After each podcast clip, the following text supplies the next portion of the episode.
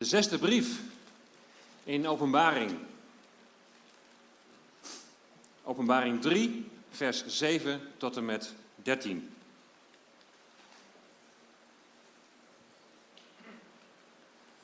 De zesde brief aan Philadelphia. En daar lezen we het volgende. En schrijf aan de engel van de gemeente in Philadelphia. Dit zegt de heilige, de waarachtige die de sleutel van David heeft, die opent en niemand sluit. En hij sluit en niemand opent. Ik ken uw werken. Zie, ik heb voor uw ogen een geopende deur gegeven en niemand kan die sluiten, want u hebt weinig kracht. En toch hebt u mijn woord in acht genomen en mijn naam niet verlogend. Zie, ik geef u enigen uit de synagoge van de Satan, van hen die zeggen dat zij Joden zijn en het niet zijn, maar liegen. Zie, ik zal maken dat zij komen en aan uw voeten aanbidden en erkennen dat ik u lief heb. Omdat u het woord van mijn volharding hebt bewaard, zal ik ook u bewaren voor het uur van de verzoeking, die over de hele wereld komen zal, om hen die op de aarde wonen te verzoeken. Zie, ik kom spoedig. Houd vast wat u hebt, opdat niemand uw kroon zal wegnemen. Wie overwint, hem zal ik tot een zuil in de tempel van mijn God maken, en hij zal daaruit niet meer weggaan. En ik zal de naam van mijn God op hem schrijven en de naam van de stad van mijn God. Het nieuwe Jeruzalem dat neerdaalt uit de hemel, bij mijn God vandaan en mijn nieuwe naam. Wie oren heeft, laat hij horen wat de geest tegen de gemeenten zegt.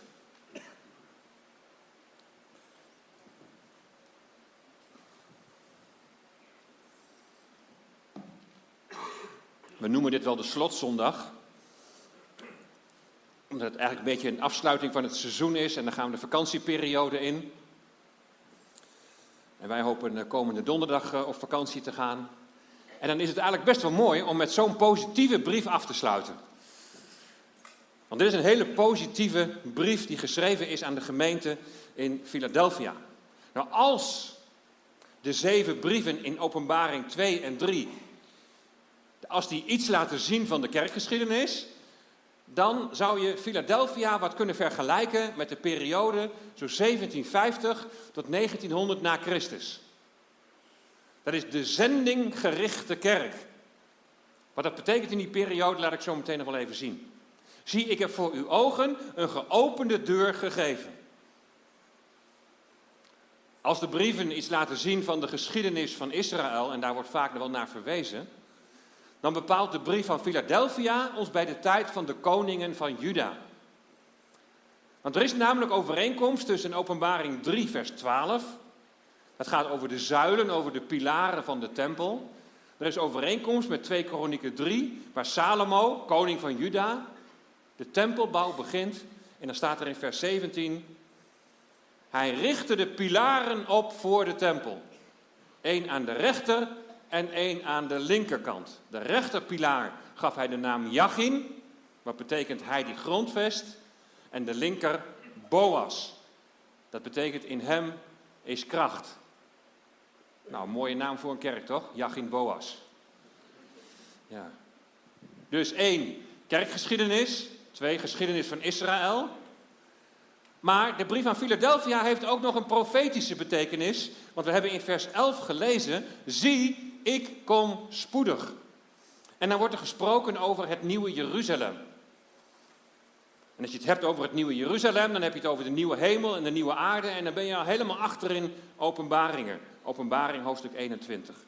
Nou, ik zal iets van al deze drie elementen, kerkgeschiedenis, geschiedenis van Israël, profetisch, zal ik allemaal een beetje proberen mee te nemen in deze brief, zodat we zo goed mogelijk deze brief ook gaan begrijpen. Maar, en dat zei ik de vorige keer ook al, het is niet alleen maar de bedoeling om deze brief zo beschouwend te lezen van, oh ja, verleden, toekomst, mooi, we hebben misschien weer wat dingetjes geleerd vandaag en wat nieuwe eye-openers misschien, of misschien ook wel helemaal niet. Het is niet de bedoeling dat we straks naar huis gaan en dat we alleen maar zeggen, nou ja, we hebben op verstandelijk niveau weer wat het een en ander meegekregen. En weet je, bij die eerdere brieven heb ik al gezegd, het getal 7 is het getal van de volheid. En daarmee geloof ik ook dat al deze brieven een boodschap zijn voor de gemeente van alle tijden. En dat het ook een boodschap is voor ons. Wij mogen ons toetsen aan deze brieven. En dan vooral luisteren. En Arwin die zei het al even zo mooi, ook met een heel praktisch voorbeeld, luisteren naar de stem van God.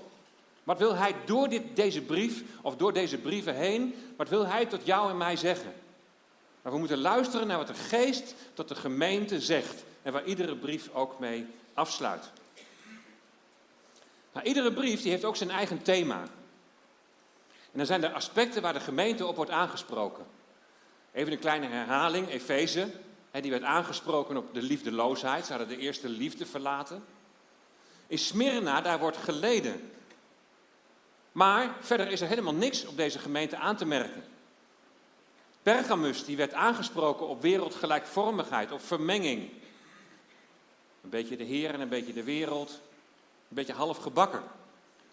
Thyatira werd aangesproken op geestelijke hoererij, op geestelijk overspel. De gemeente in Sardis, hebben we de vorige keer over gehad, ze denken dat ze levend zijn. Ze hebben de naam dat ze levend zijn.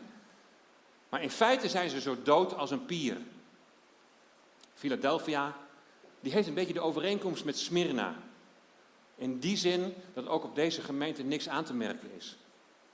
Ze hebben het woord in acht genomen. Ze hebben zijn naam niet verlogend, hebben we net gelezen. En er is een geopende deur. De volgende keer, die nog wel gaat komen. Laodicea, daar is ook een deur. Maar de deur van die gemeente, die is gesloten en Jezus staat buiten. Maar mooi dat we vanmorgen even naar zo'n positieve brief als Philadelphia met elkaar kunnen gaan kijken. Maar is jouw beoordeling van jezelf, of is je beoordeling van de gemeente ook zo positief? Of nog veel belangrijker, hoe kijkt God naar jou en mij? Hoe kijkt God naar, naar ons? Hoe kijkt Hij naar ons functioneren zo met elkaar als lichaam van Christus? We gaan net als bij de vorige brieven, gaan we eerst maar eens even weer rustig ervoor zitten van, en kijken van ja, wie, wie heeft het nou, of wie spreekt er nu eigenlijk tegen ons? En we weten, dat is de Heer Jezus. Heel duidelijk. En we weten ook inmiddels dat de Heer Jezus in hoofdstuk 1 heel, heel uitgebreid wordt beschreven. Je ziet al die teksten van hoofdstuk 1 zie je in die tweede kolom staan. En dat bij iedere brief komt dan ietsjes van die beschrijving komt weer terug. En hier is dat deels het geval. Want deze brief die we net gelezen hebben, die begint met Hij, de Heilige en de Waarachtige. Daar kom je in hoofdstuk 1 kom je dat niet tegen. Wat daarna volgt wel, hè, over die sleutel, dat, dat, dat, dat, dat wel. Maar wat kunnen we nou zeggen over de heilige en de waarachtige? En hoe vinden we daar iets van terug in de gemeente in Philadelphia? Of hoe vindt de Heere God daarvan iets terug in mij? Daar ligt Jezus verlangen. Het verlangen dat Hij graag iets wil terugzien van zichzelf in jou en mij. Hij wil graag iets terugzien van zichzelf in de gemeente en hoe we als gemeente functioneren met elkaar. Daar ligt zijn verlangen. Daar kijkt hij naar. Hij is de heilige. Nou, wat betekent dat dan voor jou en mij? Wat betekent dat voor de gemeente? Heilig betekent, of heilig heeft de betekenis van afgezonderd zijn van het kwaad. Maar daar is niet alles mee gezegd. Daar is het belangrijkste nog niet mee gezegd. De Heer Jezus is de Heilige. Dat betekent hij is afgezonderd om zich aan zijn Vader toe te wijden. Om zich aan zijn Abba toe te wijden. En in dat opzicht wil de Heer Jezus graag iets van zichzelf terugzien in de gemeente. Dat we toegewijd zijn aan de Vader. En dat we toegewijd zijn aan de Heer Jezus Christus. Dat er een diep intens verlangen is om Hem te volgen en om Hem te dienen. En dat we ons bewust zullen zijn dat, we, dat wij zijn afgezonderd van het kwaad. Dat we zijn geroepen om het goede te doen. Om het kwade te overwinnen door het goede. Nou, al deze dingen, die, die, die toewijding, die onvoorwaardelijke overgave, al, dat, al die dingen, dat zijn mooie woorden. Maar we beseffen ons heel goed dat we dat niet vanuit onszelf kunnen. En hij wil juist die, die toewijding en die overgave wil hij in jou en mijn hart wil hij uitwerken. Hij is de heilige. Hij is ook de waarachtige. Hij is absoluut betrouwbaar. Hij doet wat hij zegt. Hij doet wat hij heeft beloofd. En blijkbaar ziet hij dat terug, ook in die gemeente in Philadelphia. Want iedere beschrijving van hem staat in alle brieven in relatie tot het functioneren van die gemeente.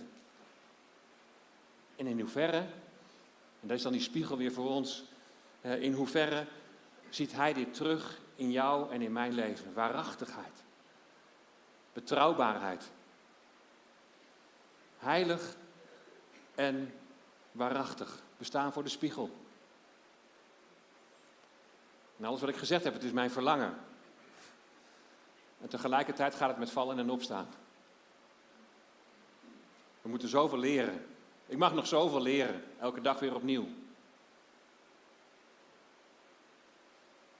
Wat daarna volgt van zijn beschrijving in Openbaring 1, dat vinden we hier dus wel terug.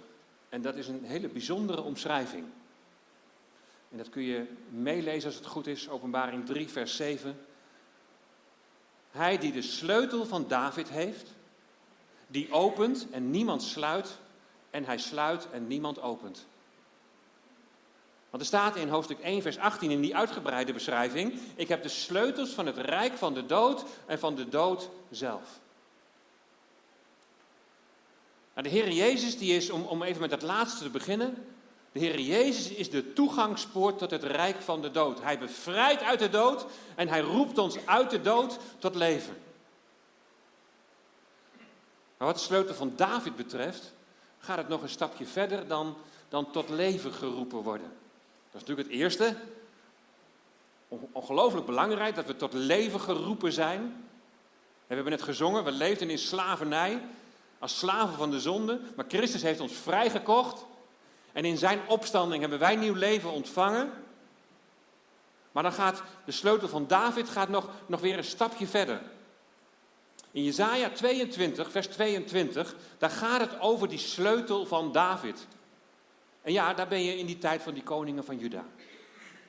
En dan gaat het over Eljakim. En Eljakim die is hofmaarschalk aan het hof van koning Hiskia. En dan in Jesaja 22, daar lezen we het volgende vanaf vers 20. Op die dag zal het gebeuren dat ik mijn dienaar Eljakim, de zoon van Hilkia, zal roepen. En ik zal hem, Eljakim dus, ik zal hem bekleden met uw gewaad, het gewaad van Hiskia, van de koning. Ik zal hem uw gordel ombinden en uw heerschappij zal ik in zijn hand leggen. Hij zal als een vader zijn voor de inwoners van Jeruzalem en voor het huis van Juda. En ik zal de sleutel van het huis van vader David, van David op zijn schouder leggen. En als hij open doet, zal niemand sluiten. En als hij sluit, zal niemand open doen. Zie, daar heb je hem. De verbinding openbaring Jezaja. Eljakim, het hoofd van de huishouding, die krijgt de sleutel van de koning. En met deze sleutel krijgt hij toegang tot de schatkamers van het paleis. Laat het maar even binnenkomen. Sleutels die toegang geven tot de schatkamers van het paleis. En sleutels van het rijk van de dood en de dood zelf. Dat klinkt zo op het eerste gezicht misschien wat negatief. Maar het geeft juist het positieve aan dat Jezus van de dood bevrijdt. Dat hij leven geeft. En wat dan nog meer? Dat hij je toegang geeft tot de schatkamers van het hemelse paleis. Dat betekent dat je door geloof in de Heer Jezus Christus, dat je in Gods nabijheid kunt zijn. Dat je in Zijn aanwezigheid mag zijn. Zo is het leven blijkbaar van die gemeente in Philadelphia. Zij kennen de verborgen omgang met God. Aan uw voeten, Heer, is de hoogste plaats, hebben we gezongen. Er is allereerst een geopende deur om aan de voeten van de Heer Jezus te kunnen zijn. En als je die plek niet kent, En als je die verborgen omgang met God niet kent, als je niet weet om in afhankelijkheid en overgave van Hem te leven en te luisteren naar Zijn stem en zo ook je gebeden tot Hem te richten, Heer spreek. Als je die plek niet kent aan Zijn voeten, dan loop je het risico dat de werken die je doet, dat het horizontale werken worden. Werken die op zich ook helemaal niet verkeerd hoeven te zijn, maar die niet gedragen worden door de krachtige werking van de Heilige Geest. Ik ken uw werken. Zie, ik heb voor uw ogen een geopende deur gegeven en niemand kan die sluiten. Als je deze geopende deur betrekt op vers 7, dan is het die deur naar de schatkamers in de hemel. Die deur naar de aanwezigheid bij God. Maar als je het betrekt op u hebt mijn naam niet verlogend, dan is er een open deur voor de verkondiging van het evangelie. En wat zijn deze beiden hard nodig? In zijn aanwezigheid zijn, in de schatkamers zijn van het paleis, aan de voeten van de Heer Jezus zijn. En vanuit die relatie en vanuit die afhankelijkheid gaat de deur open om met mensen te delen van de hoop die in je is. Om met mensen te delen van die geweldige boodschap van het evangelie. Die boodschap van verzoening, van bevrijding, van nieuw leven. De Heer die wil deuren openen. Hij wil harten openen. Hij wil bij mensen innerlijk het verlangen geven om Hem te zoeken. Sta jij er dan voor open als God deze mensen op jou wegbrengt om met hen te delen over die geweldige boodschap van de Heer Jezus die redding brengt? Als dat verlangen er bij je is, niet een opgelegd iets van, nou ja, je hoort als christen ook wel de boodschap van het evangelie te delen, maar als dat een intrinsiek verlangen is, een verlangen van je hart van, ik wil dat wat ik zelf heb ontdekt en wat voor mij zo'n geweldige waarde heeft gekregen, dat wil ik delen met die ander.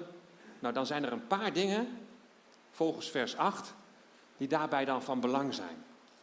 Want het is niet zo van, dat gaan we dan maar eens eventjes doen. Nee, er zijn een paar dingen die je goed dan even in je achterhoofd moet houden, die heel belangrijk zijn. Ze zijn als het ware de sleutel die de deur naar die ander helpt te openen, zodat je het evangelie kunt delen. En ten eerste hebben we gelezen, u hebt kleine kracht.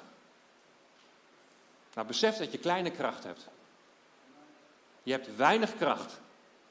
Je hebt weinig invloed. En je bent van jezelf niet een geestelijke krachtpatser. Je bent niet in tel in deze wereld. Maar in dit alles ligt juist de kracht. God openbaart in jou en in mijn leven zijn kracht in onze zwakheid. Dat is zo'n zo'n geweldig uitgangspunt. Je hoeft het niet zelf te doen. Weet je, Jezus Christus is de deur. Jezus Christus is de sleutel. En hij leidt jou en mij naar de hemelse schatkamers. Om voor het aangezicht van God te zijn en om zijn leiding te vragen door de Heilige Geest. En hij leidt jou en mij naar de volheid van God. Je leert hem steeds beter en beter en dieper kennen. En bij dat diepere kennen ontstaat steeds meer dat verlangen van daarvan wil ik delen. Daarvan moeten andere mensen ook weten. Dus concreet betekent dat dat hij wil dat je leert om in volkomen afhankelijkheid van hem te leven. Je hebt kleine kracht. Dat je leeft, om in volkomen, dat je leeft in volkomen vertrouwen op de leiding van de Heilige Geest.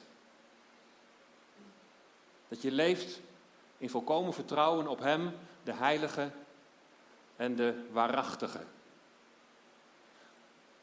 Dat je leert te leven in, in afhankelijkheid van de Heilige Geest. Wees blij met die kleine kracht. Want dan ligt de focus namelijk niet op jou, maar dan ligt de focus op de Heer Jezus. Hij is, met alle eerbied gezegd, hij is de sleutelfiguur. Hij opent en hij sluit. Maar dit als eerste. Wat is nog meer nodig voor een geopende deur? Nou, het tweede. U hebt mijn woord in acht genomen. Je neemt het spreken van God, zijn zoon, neem je serieus. Je bent een discipel van Jezus. Je wilt van hem leren. Hij is de leraar en je doet wat hij zegt. Als hij iets door zijn woord heen tot jou spreekt of jou duidelijk maakt, dan ga je het niet zomaar naast je neerleggen. Nee, want je leeft vanuit het principe, niet mijn wil, maar uw wil geschieden. Dat is je grondhouding, dat is, dat is je verlangen als volgeling van de Heer Jezus. Opdat deuren geopend worden en je het evangelie kunt delen. Zijn woord duidt ook op de verkondiging van het evangelie. En dat wordt bij dat derde punt duidelijk. U hebt mijn naam niet verlogend. In Filippenzen 2, vers 9 staat dat God de Vader zijn Zoon, de Heer Jezus, de naam boven alle naam gegeven heeft. En dan staat er in vers 10, opdat in de naam van Jezus zich alle knie zich zou buigen, die in de hemel, die op de aarde en die onder de aarde zijn. Van deze naam getuigen. En we kunnen heel, heel veel mooie dingen over het geloof vertellen.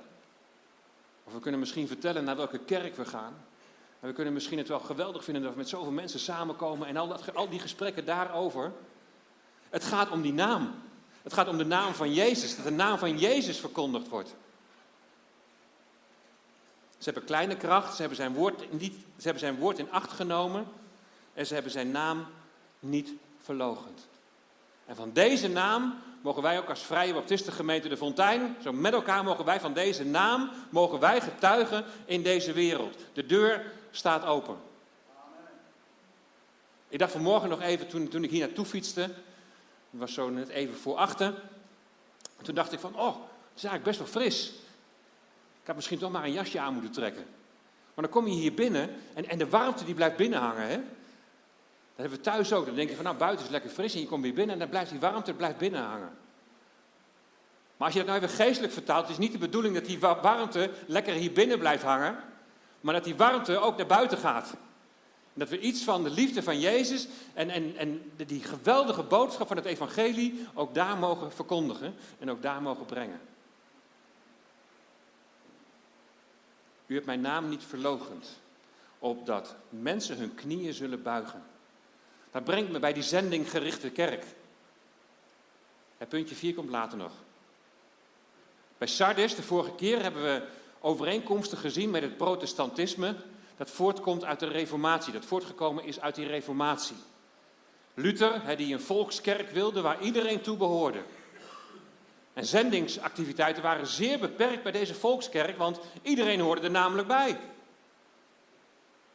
Je hing, je hing het geloof aan van de vorsten, het vorstendom waar je bij hoorde. En dan ligt er heel weinig nadruk op persoonlijk geloof door wedergeboorte. Dus van zending, evangelisatie was er eigenlijk in die periode nauwelijks sprake. En weet je, zo op diezelfde manier kun je vandaag ook in de kerk zitten. Beetje anoniem. Ach ja, ik, we kennen de term wel, ja, je bent in de kerk geboren. En je bent zo opgegroeid en je wandelt zo mee. Maar hoe zit het met dat persoonlijke geloof in de Heer Jezus? Nou, door ontevredenheid met de gang van zaken destijds ontstond de nadere reformatie. En de nadere, we gaan even een stukje kerkgeschiedenis kijken. Best wel eens interessant om eens even een klein stukje te kijken, waar komen we nou eigenlijk vandaan? Nou, de nadere reformatie, dat is een, is een stroming in de Neder-Duits gereformeerde kerk. En na 1816 was dat de Nederlands hervormde kerk. En de vertegenwoordigers van die kerk, en dat was nog in die periode van voor die zendinggerichte kerk, dat was in zo'n 1700, 1750, drongen ze aan op de innerlijke doorleving van de gereformeerde leer. En de persoonlijke levensheiliging op alle terreinen van het leven. Die nadere reformatie, dat is een naam die pas later werd gebruikt. Oorspronkelijk spraken ze ook al van het Lutherse pietisme. En dat pietisme, dat is een term die ook wel voor vroomheidsbewegingen werd gebruikt in andere landen. Je kunt ze ook niet loszien van de Puritijnen, misschien ook wel eens gehoord. De Puritijnen in Engeland. Die vonden dat de Anglikaanse kerk wat te katholiek was gebleven. En uit die Puritijnen is het baptisme voortgekomen. En een belangrijk middel in die nadere reformatie, dat was de prediking. Juist daardoor heeft die nadere reformatie ook zoveel invloed gehad. U hebt mijn woord in acht genomen. En kenmerkend voor preken uit die tijd, dus uit de nadere reformatie, was het onderscheid tussen waar en niet waar geloof. En zo maakte men een scheiding onder de hoorders, namelijk die van de wedergeborenen en de niet-wedergeborenen. En je ziet dus heel duidelijk een verschuiving van die volkskerk naar die kerk van ware gelovigen. Heeft ook weer tot allerlei scheidingen en afscheidingen geleid. Waarbij de nadruk ook nog niet direct zo op evangelisatie of zending kwam te liggen. Maar er kwamen nieuwe stromingen waarbinnen dit wel een plek kreeg.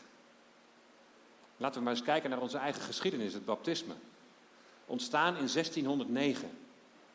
Puriteinse vluchtelingen die kwamen uit Engeland, die kwamen over naar Amsterdam. En twee Engelse predikanten, John Smith en Thomas Helwis, die waren als stichters van deze gemeente gezien. Een bekende namen binnen het baptisme zijn John Bunyan, Engels predikant, christelijk schrijver, je kent hem waarschijnlijk wel van de Christenreis. William Carey, Engelse zendeling. Hij wordt wel de vader van de moderne zending genoemd. Hij was zendeling in India en hij vertaalde de Bijbel in verschillende talen. De nadruk komt steeds meer te liggen op evangelisatie en zending. Johannes Elias Pfizer, Nederlands predikant en theoloog, stichter van het baptisme in Nederland. Hij werd in 1844 in Gassel te Nijveen als predikant afgezet en in 1845 met een aantal anderen gedoopt. In Gassel te Nijveen heb je nog de baptistenkade. En bij een water, daar staat een plaquette. En je ziet mij daarbij staan. En er staan de namen op van de eerste gedoopten. Even een stukje geschiedenis. Je hebt natuurlijk Hudson Taylor. Brits arts en zendeling. Hij heeft 51 jaar als zendeling in China gewerkt. Hij was de oprichter van de China Inland Mission. En natuurlijk kennen we de prins der predikers, Charles Spurgeon. Engels predikant, evangelist en schrijver van boeken en liederen. Als je die geschiedenis van het baptisme zo bestudeert, dan zie je een enorme nadruk op evangelisatie en zending, wat dus al begon in de 17e eeuw. Ook in de vroege geschiedenis trouwens. Jaren geleden lag nog heel veel nadruk op evangelisatie en zending.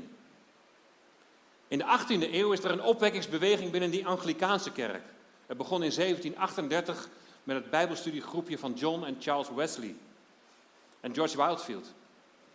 En de nadruk lag op, op het bereiken van de mensen met het evangelie. Evangelisatie, zending. En je ziet mensen uit de volkskerk, zie je tot, tot wedergeboorte komen, zie je tot geloof komen, een enorme opwekking. Het is duidelijk anders dan de volkskerk, het protestantisme dat tot dan toe was voortgekomen uit de reformatie. In de eerste helft van de 18e eeuw had je de Herrnhutters, de Moravische broeders. En internationaal doen ze heel veel aan zendingswerk. De 19e eeuw, rond 1820, ontstaat het Reveille. En daaruit de vrijkerkelijke bewegingen die daaruit voortkomen, de vrij evangelische gemeente, de vergadering van gelovigen, ook de baptisten. En dan hebben we natuurlijk in de 20e eeuw, 1906, het ontstaan van de Pinksterbeweging.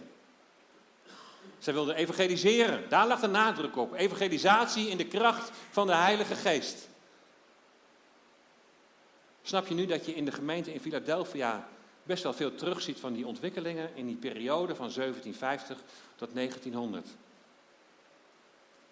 Die lijn van de kerkgeschiedenis zie ik ja, als een mogelijkheid zonder daar heel absoluut over te zijn. Maar waar het me om gaat is de groeiende nadruk op evangelisatie en zending. Een geopende deur. En het is geen horizontale zendingsdrang. Want je vindt in het karakter van de gemeente in Philadelphia heel veel terug van het karakter van de Heer Jezus. Heilig, apart gezet, ware gelovigen, samen lichaam van Christus, afgezonderd om je aan God toe te wijden. Samen toetreden tot die hemelse schatkamer. Bidden om de leiding van de Heilige Geest.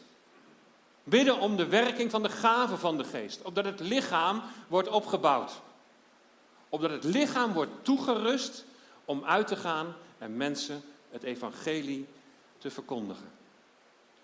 En niet automatisch lid zijn van een volkskerk. Het gaat om een beweging. We zijn een beweging van gelovigen. Het gaat niet automatisch om het lid zijn van een kerk. Het gaat om je binnenste. Het gaat om de gezindheid van je hart. Het gaat om echtheid. En als je hart vol is van de Heer Jezus, dan gaat je mond daarvan overstromen. En het hoeft ook niet alleen maar te zijn dat we ergens op de lange nering gaan staan. Er zijn mensen die daar gaven voor hebben. Het kan zelfs binnen de gemeente zijn, als je kinderwerk gaat doen. Als je geweldige zegen wilt ontvangen, moet je dat gaan doen. Of, of jeugdwerk, of, of noem maar op. Of mensen die zo op je weg komen. Mensen die vragen hebben, collega's, of noem maar op. Sta je open om je daarin te laten leiden en te zien wat God op je weg brengt. God geeft een geopende deur. Nou, dat die deur ook, of dat die geopende deur ook met evangelisatie te maken heeft, blijkt wel uit 1 Korinthe 16. Waar Paulus zegt, ik zal echt tot, tot, tot Pinksteren in Efeze blijven. Want daar is voor mij een grote en krachtige deur geopend. En er zijn veel tegenstanders. Ja, dat gaat vaak hand in hand. Dat gaat vaak samen, een geopende deur en tegenstand. Een botsing van dag en nacht, een botsing van, van licht en duisternis. Maar in Philadelphia geven ze niet op. En dat brengt me bij dat vierde aspect. Ze hebben het woord van zijn volharding bewaard. Dat betekent, ze hebben zijn bevel om te volharden, hebben ze bewaard. Wat doe je als je met tegenstand te maken krijgt? Stop je er dan maar mee? Geef je dan op? Tegenstand ervaren is juist een teken dat je op de goede weg bent. Jouw liefde voor het woord, jouw liefde voor de Heer Jezus, brengt botsing teweeg met het rijk van de duisternis. Dat is nou eenmaal zo. De deur staat open om het evangelie te delen, maar tegenstand zal er zijn. En dat zal in de tijd waarin we nu leven, zal het alleen maar toenemen. En helemaal extreem straks als de antichrist zal regeren. Als er een grote verdrukking over deze aarde zal komen, dan zal het tegenstand zijn. Zullen we die tijd nog meemaken? Er wordt verschillend over gedacht, hè? Vers 10 leidt tot verschillende conclusies. En degenen die een beetje thuis zijn in het woord en die dit vers ook wel kennen, die zullen misschien al wel denken. Ik ben benieuwd wat hij daarover gaat zeggen. Openbaring 3, vers 10. Omdat u het woord van mijn volharding hebt bewaard, zal ook ik u bewaren voor het uur van de verzoeking. Die over heel de wereld komen zal, om hen die op de aarde wonen te verzoeken. Het is een tekst waar heel wat om te doen is. Deze tekst die wordt als bewijs gebruikt voor degenen die geloven dat de opname van de gemeente voor de grote verdrukking zal zijn. Ik zal u bewaren voor het uur van de verzoeking. Nou, ik ga heel kort even deze tekst wat ontleden, om te kijken of dat klopt. Of je deze tekst daarvoor kunt en mag gebruiken. Waar we voor moeten waken is dat we hier niet zoveel aandacht aan gaan besteden. En dat we hier zo'n groot punt van maken. Dat we vergeten dat het om die geopende deur gaat. En dat het niet de vraag is op welk tijdstip wij nou exact en precies de Heer tegemoet zullen gaan. Maar dat het de vraag is, wie zullen er op dat moment erbij zijn? Zou jouw ongelovige man of vrouw, zou jouw ongelovige kind, of zal jouw ongelovige collega, of je ongelovige buurman of buurvrouw, zal op dat moment erbij zijn. Als die bazuin klinkt en de aartsengel roept en wij hem tegemoet gaan in de lucht om voor altijd bij hem te zijn. Daar gaat het natuurlijk om. En cruciaal in dit vers zijn, drie dingen. Bewaren voor, wat betekent dat? Het uur van de verzoeking die over heel de aarde komen zal. Wat is dat precies? om hen die op de aarde wonen te verzoeken. En wie zijn dat dan? Ik begin met de middelste. Wat wordt er nou bedoeld met het uur van de verzoeking die over heel de aarde zal komen? Nou, in het context van het boek Openbaring kan ik niets anders bedenken dan dat het hier gaat over die toekomstige grote verdrukking. Daniel die spreekt in hoofdstuk 12 van een, van een benauwde tijd. Tegelijkertijd staat daar een belofte voor Israël dat Gods volk zal ontkomen. Ja, zij die geschreven staan in het boek. Marcus 13, vers 19 zegt bijvoorbeeld dat het een tijd van verdrukking zal zijn die er nog niet eerder is geweest. Je kunt het dus niet vergelijken met, met de christenvervolging op dit moment. Het is een periode dat de toren van het lam over deze aarde komt. Het is een periode dat de antichrist over deze aarde zal regeren. En dan staat er als derde punt om hen die op de aarde wonen te verzoeken. Maar met degenen die op de aarde wonen, wordt in het boek Openbaring worden, de, worden steeds weer de niet-gelovige mensen bedoeld. Je komt dat hierna nog weer drie keer tegen. Dus ongelovige mensen op deze aarde worden verzocht. Ze worden verzocht door de duivel en op de proef gesteld door God. En wat wordt dan tegen de gelovigen gezegd? Omdat u het woord van mijn volharding hebt bewaard, zal ik ook u bewaren voor het uur van de verzoeking. Bewaren voor het uur van de verzoeking. Zoals ik al zei, er zijn dus mensen die deze tekst als bewijstekst gebruiken dat de gemeente voor de grote verdrukking wordt opgenomen, voor het uur van de verzoeking. En de mensen die dat geloven, die noemen we ook wel met een heel moeilijk woord pre-tribulationisten. Pre betekent voor, tribulationisme betekent verdrukking. Dus voor de grote verdrukking. Ik wil het toch even uitleggen, omdat hier zo vaak over gediscussieerd wordt, over dit soort dingen. En daar soms ook zo'n groot punt van wordt gemaakt. Maar je kunt voor, kun je echter ook vanuit het Grieks vertalen met vanuit. En dan wordt het in één keer een ander verhaal. Dan kom je bij de mid-tribulationisten. Dus in het midden, ergens op de helft van die grote verdrukking, zullen we de Heer tegemoet gaan in de lucht. En dan heb je nog de post. Post betekent na. Post-tribulationisten, die zeggen nee, het is allemaal één moment. De Heer tegemoet gaan en met Hem weer terugkomen op deze aarde.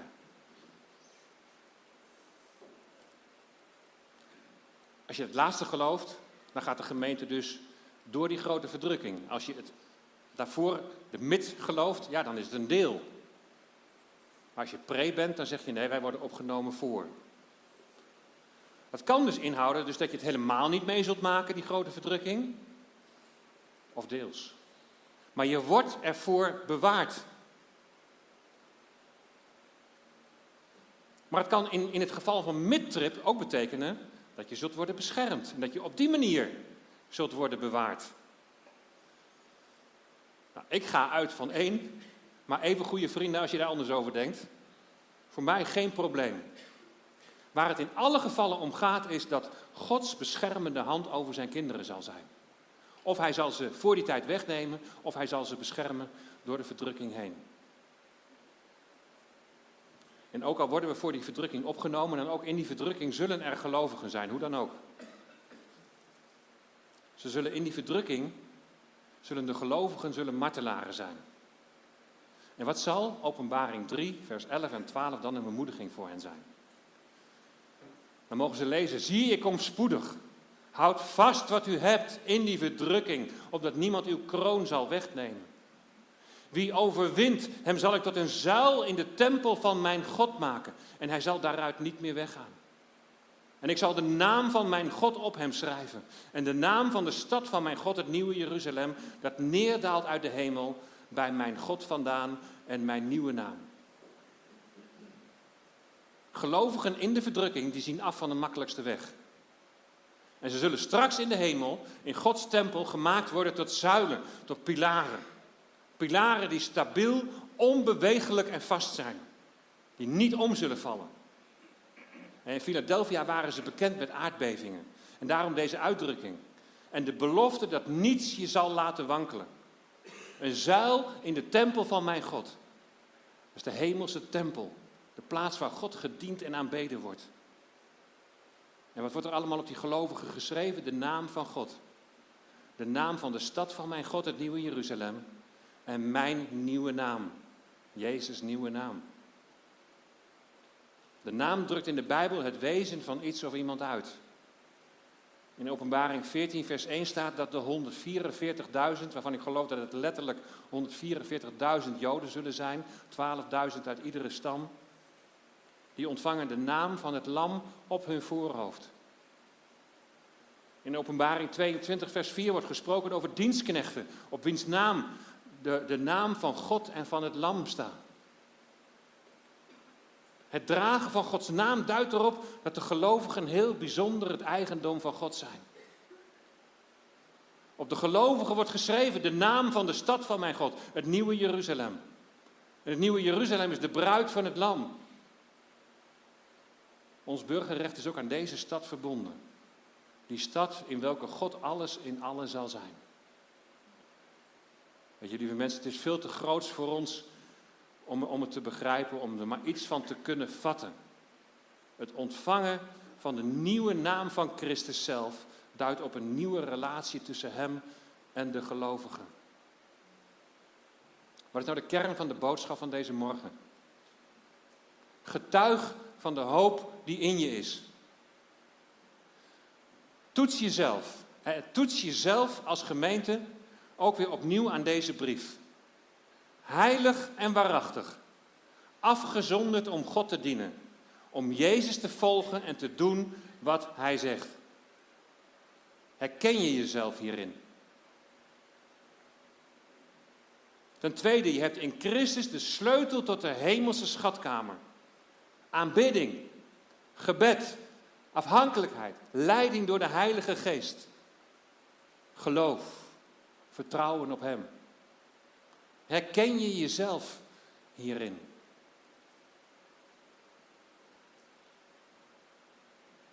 En ten derde, er is een geopende deur. Het verlangen om het evangelie te delen. Een zendinggerichte gemeente. En dan zending als DNA. Als een intern verlangen om die boodschap van hoop met mensen om je heen te delen. lieve mensen, we kunnen heel, heel, heel uitgebreid gaan nadenken over die toekomst, hoe exact en precies. En zoals ik net al zei, van, is het dan voor die uren van de grote verdrukking? Zullen we er misschien wel een stukje van meemaken of niet? En hoe zit het nou precies allemaal? Waar het om gaat is, als Jezus komt, wie zullen dan van Hem zijn? Raakt dat je hart nog dat er mensen om je heen zijn die dreigen in die afgrond te vallen? Die dreigen verloren te gaan? Gods geest in ons wil dat verlangen geven om uit te reiken en dan maar gewoon heel eenvoudig te zien, ja, Heer, wat brengt u op onze weg? En kijken, wat kunnen we daar nou mee doen? Hoe kunnen we dan vrijmoedig getuigen van de hoop die in ons is? De vakantieperiode breekt aan. Neem deze vragen die ik net gesteld heb voor jezelf gewoon eens mee in deze vakantieperiode. Misschien zo in je stille tijd. Laat het nog eens even weer gewoon even terugkomen. En ik bid dat deze tijd voor ons allemaal ook een tijd weer van, van bezinning mag zijn. Want, lieve mensen, de velden zijn wit om te oogsten en de Heer Jezus komt spoedig. Amen.